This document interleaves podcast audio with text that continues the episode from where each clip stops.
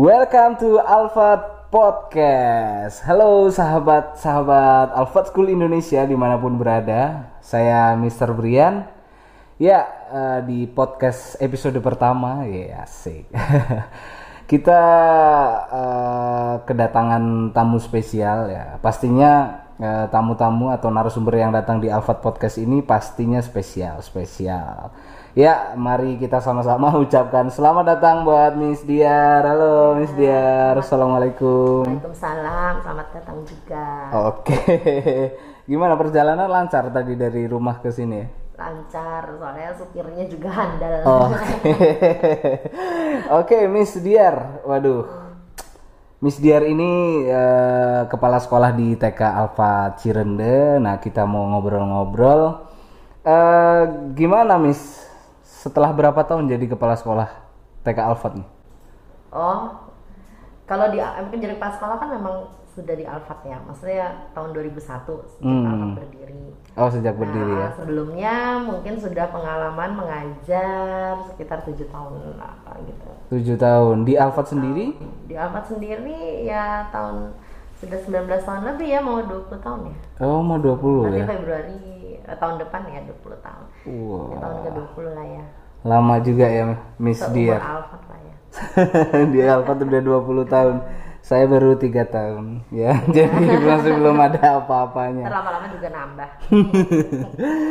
Miss Diar, aduh, coba bisa ceritain ke sahabat-sahabat Alfat yang ada di sini. Alfat, TK Alfat itu bagaimana sih? Seperti apa gitu bentuknya? Gitu.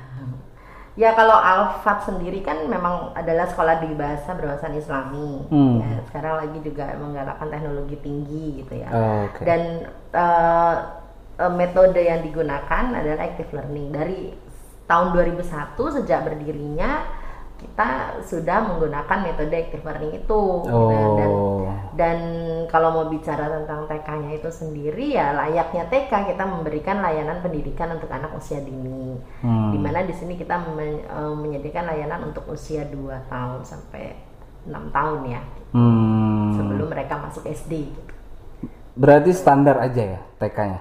Ya enggak kalau untuk usia mah iya gitu. Oh. Tapi kalau untuk kita bicara eh, program atau keunikan-keunikan atau ciri khas gitu ya. Kan di setiap sekolah itu diminta untuk memiliki sebuah ciri khas gitu ya. Ah. dan alhamdulillah ya Alfa juga memiliki ciri khas itu gitu. Dengan metodenya yang active learning itu eh, yang dilak- dilaksanakan sejak berdirinya sampai dengan hari ini ya alhamdulillah membawa Alfat itu menjadi se- sekolah yang cukup unik lah menurut Nah menurut itu saya, dia. Gitu. uniknya apa gitu? TK Alfat itu ya. uniknya apa gitu Miss? uniknya ya. Eh, pertama ya jelas yang jelas kurikulum ya. Kita selalu mengupdate kurikulum. Saya rasa semua sekolah sih pasti begitu. Hanya saja kurikulum di Alfat itu kita mengkombinasikan gitu. Antara kurikulum nasional yang berlaku kita juga eh, integrasikan dengan apa em, apa namanya referensi-referensi ya eh, mengarah ke bentuk internasional ya karena apalagi Alfa juga di bahasa jadi kita cukup aktif gitu dalam bahasa Inggrisnya kemudian juga eh, agamanya gitu ya karena kita Hmm. berwawasan Islami kemudian eh, karena memang kita active learning maka kita harus fokus kepada potensi individu gitu. Nah, Hmm. di mana potensi individu itu adalah konsekuensi daripada active learning. Nah, active learning itu Uh, jadi punya potensi apa di dalam dirinya seorang anak itu harus bisa terakomodir di dalam se- sekolah itu. Maka Oke. kita memberikan layanan pendidikan yang uh, plus plus plus plus gitu. Oh. Jadi misalnya selain daripada kegiatan pembelajaran pada umumnya, kita juga memiliki kegiatan-kegiatan yang uh, bidang-bidang khusus ya. Jadi seperti musik, kemudian Hmm. agama tuh tersendiri gurunya gitu musik juga sama olahraga kemudian bahasa Inggris juga begitu kemudian ada library kemudian ada berenang gitu jadi guru olahraga dan guru berenang itu berbeda gitu Oh, gitu terus oke. banyak Eh, lah guru bidang satu Iya. lah ibaratnya Untuk TK pada umumnya itu kan nggak tahu ya dari saya kecil kayaknya sampai sekarang gitu kebanyakan kan gurunya ce- cewek gitu ya, wanita gitu ya. Kalau untuk di TK Alfat sendiri bagaimana? Nah iya kebetulan itu juga mungkin juga bisa menjadi sebuah keunikan ya di TK Alfat ya karena kita memiliki guru laki-laki juga cukup banyak. Dalam setiap grade itu pasti ada guru laki-laki karena memang uh, figur anak apalagi usia dini itu kita harus memenuhi kebutuhan figur ya, baik hmm. itu figur uh, ibu, ibu maupun figur ayah, ayah gitu. Karena memang kita di sekolah itu ibaratnya sebagai uh, orang tua pengganti ya. Jadi hmm. anak itu uh, selalu mendapatkan perhatian, kasih sayang dan figur yang sama, baik di rumah maupun di sekolah. Di sekolah kita sediakan figur ayah gitu dengan banyaknya guru laki-laki di sini. Ada berapa banyak emang Miss Diar? Kalau untuk di TK sendiri sih ada 11 orang ya laki-laki guru. Gurunya ada 11, 11 laki-laki tuh. Laki-laki iya, Oh, banyak juga ya. Iya, iya, alhamdulillah gitu. Dari daripada bujang sampai sekarang udah pada berstatus dan beranak. Oh, masih tetap di sini? Iya, alhamdulillah masih. Kok mau mereka itu? Iya. Kenapa nggak cari oh, iya, iya. apa iya. gitu? Kok gimana itu? Banyak juga yang bertanya ya teman-teman sejawat yang dari sekolah lain gitu yang bertanya kenapa kok bisa sih uh, Budiar bisa punya guru laki-laki segitu banyak gitu ya di di TK gitu kan hmm. susah ya laki-laki ngajar TK gitu ya. Yeah tapi saya juga uh, ya alhamdulillah itu mungkin rezeki juga ya karena uh, mereka itu apa masuk ke sini mungkin awalnya mereka nyasar kali ya awalnya coba-coba ya, ah, beberapa gitu. dari mereka gitu ah daripada nggak ada kerjaan mungkin yeah, ya iya iya iya iya karena berangkat dari latar belakang pendidikan yang berbeda-beda yang tidak ada yang jurusan PAUD gitu anak uh, guru laki-laki itu gitu. Oh. Nah, tapi ketika mereka sudah mengajar di sini ya itulah dia tadi bila mungkin kalau saya sih melihatnya ya namanya laki-laki itu kan uh, kecenderungan menyukai tantangan ya. Iya, iya. Gitu. Jadi ada sesuatu yang challenge gitu ya. Awal itu buat mereka tuh akan uh, kalau dia bisa mengembangkan diri dia akan suka di situ. Jadi uh, lingkungan bekerja pun juga dibentuk dengan lingkungan yang bukan cuma sekedar bernyanyi-nyanyi tepuk tangan gitu ya. Hmm. seolah-olah mengasuh gitu. Tidak seperti itu. Mereka juga bisa uh, profesional kemudian mereka juga menguasai skill yang macam-macam gitu. Karena pengembangan mutu guru pun juga kan kita concern gitu. Jadi hmm. harus ditingkatkan lagi harus di asah lagi dengan banyaknya program sekolah yang membuat mereka merasa tertantang. Menurut saya sih itu ya. Oh, gitu. berarti mereka halo anak-anak gitu-gitu dong. Ya iya, enggak Namanya anak TK harus agak Ih jangan jaim deh kalau di TK mah ya. Oh, guru laki-lakinya nggak ada yang jaim itu, pasti ya? Nggak ada. Meskipun ya. udah uh, tua gitu atau matang iya. gitu, nggak ada juga. Enggak sih nggak jaim ya. Mereka oh. udah tahu lah bagaimana cara berkomunikasi. Ah, itu bagaimana cara rekrutmennya tuh, Miss Diar? Ya rekrutmennya awal-awal memang dulu itu uh, kita lihat ya mereka melamar setelah kita mempelajari CV-nya yang saya minta hanya satu bisa uh, berkomunikasi dengan anak-anak gitu intinya oh, itu dulu okay. masalah nanti bagaimana teknik mengajar bagaimana membuat persiapan keadministrasian kelas dan lain sebagainya itu bisa dilatih berjalan karena kita oh. kan tim gitu yeah, ya. yeah, yeah. nah terus uh, ya mereka ketika mereka tes mengajar kan saya lihat dulu bagaimana interaksinya gitu. Oh. Kalau dia bisa berinteraksi, bisa berkomunikasi dengan baik dengan anak-anak, ya udah itu adalah modal awal menurut saya waktu itu. Oh. Dan setelah itu benar uh, kita coba tes mengajar, terus kita coba mereka untuk uh, apa ibaratnya uh, observasi dulu yeah, itu yeah. selama kurang lebih satu minggu ya atau lima hari uh, apa kan kalau satu minggu itu hari efektifnya Senin sampai Jumat. Yeah, yeah. Mereka mengobservasi dulu, kemudian kita diskusi dulu, terus uh, minta tolong guru kelas di tempat uh, si calon guru laki-laki ini untuk observasi itu untuk bisa memberikan tugas-tugas seperti apa gitu yang bisa hmm. dikuasai nggak sih ini karena tugasnya kan harus menguasai teknologi juga gitu hmm. di sini karena kita membuat worksheet kan membuat lembar kerja tidak enak fotokopi begitu aja tapi kita yeah, semua yeah. buat sendiri juga uh, terus membuat event gitu kita seperti IO gitu oh iya secara Alfat itu kan sedang mengusung uh, berwawasan teknologi tinggi kan ya iya, iya. di sini ada IT-nya juga Mr. Wawan ini tinggi beneran ya nanti ya teknologinya ya ya tadi Miss Diar uh, menyebutkan bahwa guru agama, guru olahraga, guru bahasa Inggris itu ada sendiri. ada musik juga ada sendiri Nah, musik ada sendiri. Itu itu kan bisa dibilang kalau di dunia pendidikan itu kan eh, apa ya? Bidang studi ya. ada tadi ya Dan di TK sudah ada bidang studi. Iya, sebenarnya gini ya, eh, pernah juga suatu ketika pengawas dari kota itu datang terus mengatakan TK itu nggak ada bidang studi, Ah, ngada-ngada di Alfat ih pakai bidang studi ya. Terus saya bilang, terus bagaimana untuk potensi apa kemampuan-kemampuan atau skill-skill tertentu itu kan tidak semua guru kelas menguasai.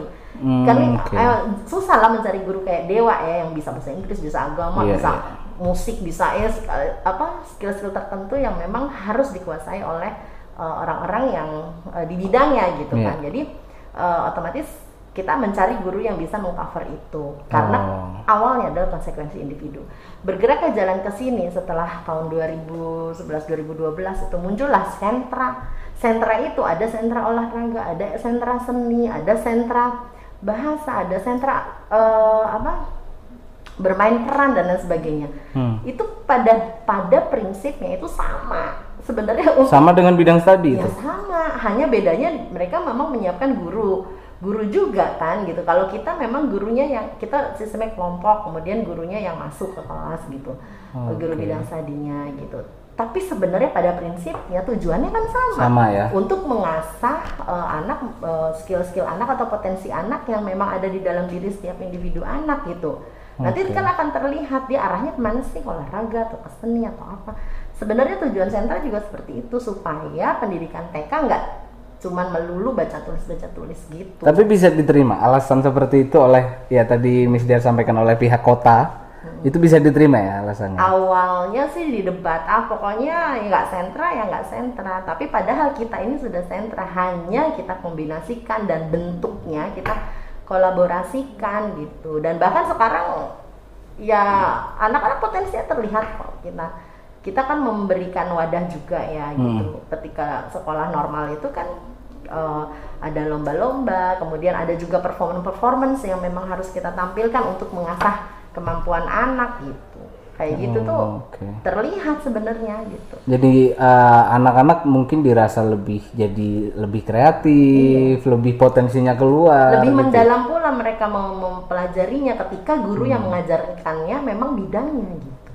Oh. gitu memang bidangnya kan guru itu pasti tahu misalnya olahraga bagaimana sih cara eh, me- me- me- apa mengasah motorik kasar anak kan ada tahapannya gitu dari gerakannya keseimbangannya koordinasinya itu kan harus tahu kayak secara meskipun guru kelas mungkin di dia diajarkan dilatih Ya, seperti ya, itu. tapi paham. kalau guru yang memang bidangnya olahraga dan dia concern di bidang tersebut ya otomatis akan lebih menguasai seperti bahasa Inggris juga kan ada pronunciation nggak Hmm. Uh, harus benar gitu ya. Kemudian juga kosakata bukan hanya sekedar mengajarkan kosakata dihafalkan bukan seperti itu.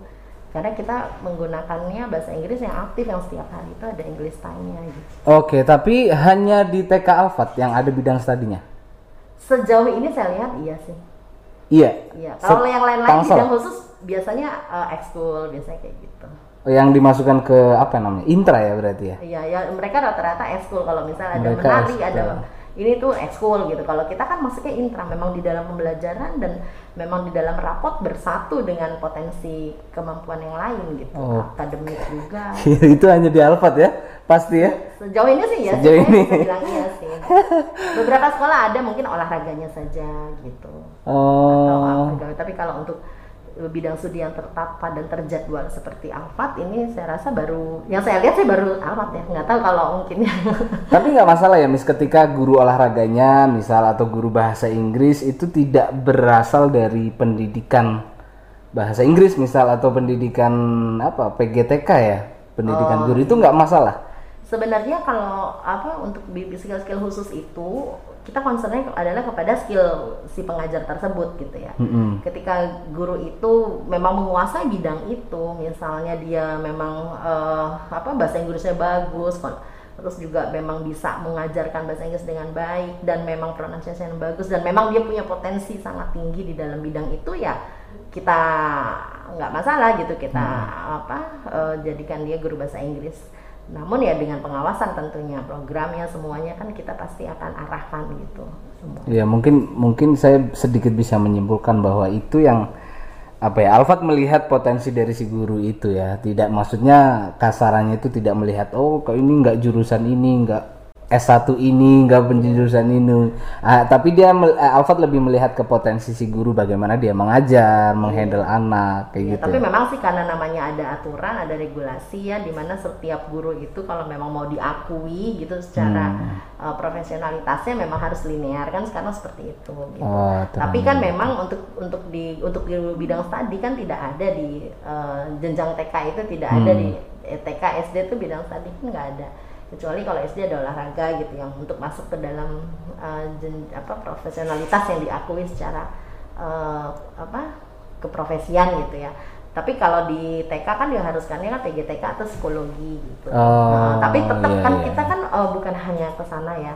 Ada potensi-potensi uh, yang memang harus dikuasai oleh oleh uh, anak gitu kan. Jadi semuanya kita atur aja sedemikian rupa supaya semua bisa bersinergi gitu ya. Terus juga Hmm. guru-gurunya juga paham kok gitu.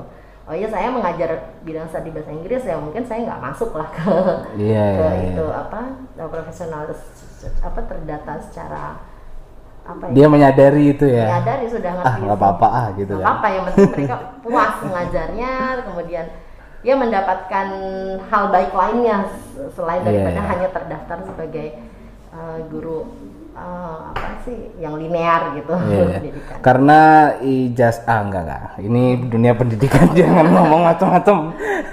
Oke, Miss. Tadi Miss Dian menyampaikan bahwa di TK yang lain kayak misal menari atau menyanyi itu dimasukkan ke dalam ekstra kurikuler. menari ya mungkin ya menari Nah, kalau di Alfat itu jadi pelajaran kan bidang Iya, studi kan dalam seni kan? pelajaran- iya pelajaran seni ya. Oh, itu memang khusus ada guru seninya sendiri. Eh, terus ada rangkaian apakah ada Ada. project-project ke depan Iya, di seni itu? ada. Nanti kan ada pementasan juga yang memang hasil daripada pembelajaran selama ini gitu tuh nanti dipentaskan gitu. Oh, bidang Ada- seni ya? Iya, seni juga. Kalau misalnya apa eh, mingguan juga kan kita ada pementasan kecil kayak assembly gitu. Kemudian juga Oh. belum lagi nanti ada lomba-lomba misalnya seperti itu. Sebenarnya mata, mata, mata- mata pelajaran atau bidang-bidang seni, ah, bidang-bidang khusus yang tadi dijadikan eh, kegiatan bidang studi di TK itu, itu juga kami berikan layanan juga untuk ekskulnya gitu. Oh, tetap ada eks Tetap ada ekskulnya. ekskul, ekskulnya ada di intranya ada gitu. Oh, nah itu pementasan kecil tadi setiap minggu itu anak-anak. ya anak-anak. Saya berikan bergiliran mereka setiap Oh. kelas itu tampil menampilkan apa saja mau main drama, mau bernyanyi, mau menari atau mau bermain alat musik atau mau apa saja gitu di di dalam pementasan itu. Nanti ditonton sama yang lain. Nanti minggu depan giliran lagi Bilang kelas yang lain gitu. Itu model pengembangan seni yang ada di Alfat Ya seperti itu itu. salah satunya. Assembly itu salah satunya. Oh, pentas akhir tahun ada Ada juga. lagi itu biasanya bermain peran ya paling baik terus dikombinasikan dengan menari, menyanyi gitu seperti Itu bisa anak TK ya? Bisa, apalagi mereka semua berperan tidak ada yang terkecuali. Dan kita buat bentuknya seperti apa sih operet kayak gitu-gitu.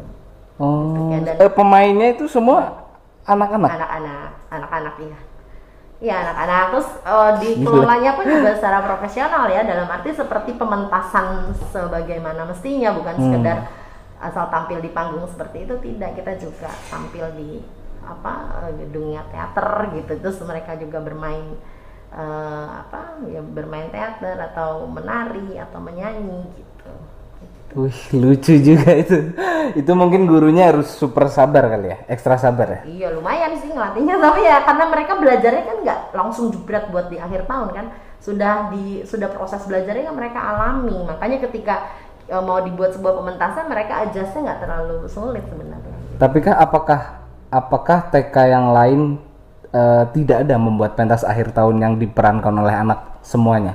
Ada, ada, Ada juga? ada, ada juga gitu. Cuman memang eh, pengelolaan yang berbeda-beda gitu. Kalau kalau kalau saya sih eh, pernah juga di beberapa sekolah di tempat saya mengajar juga dengan bentuk yang berbeda-beda gitu.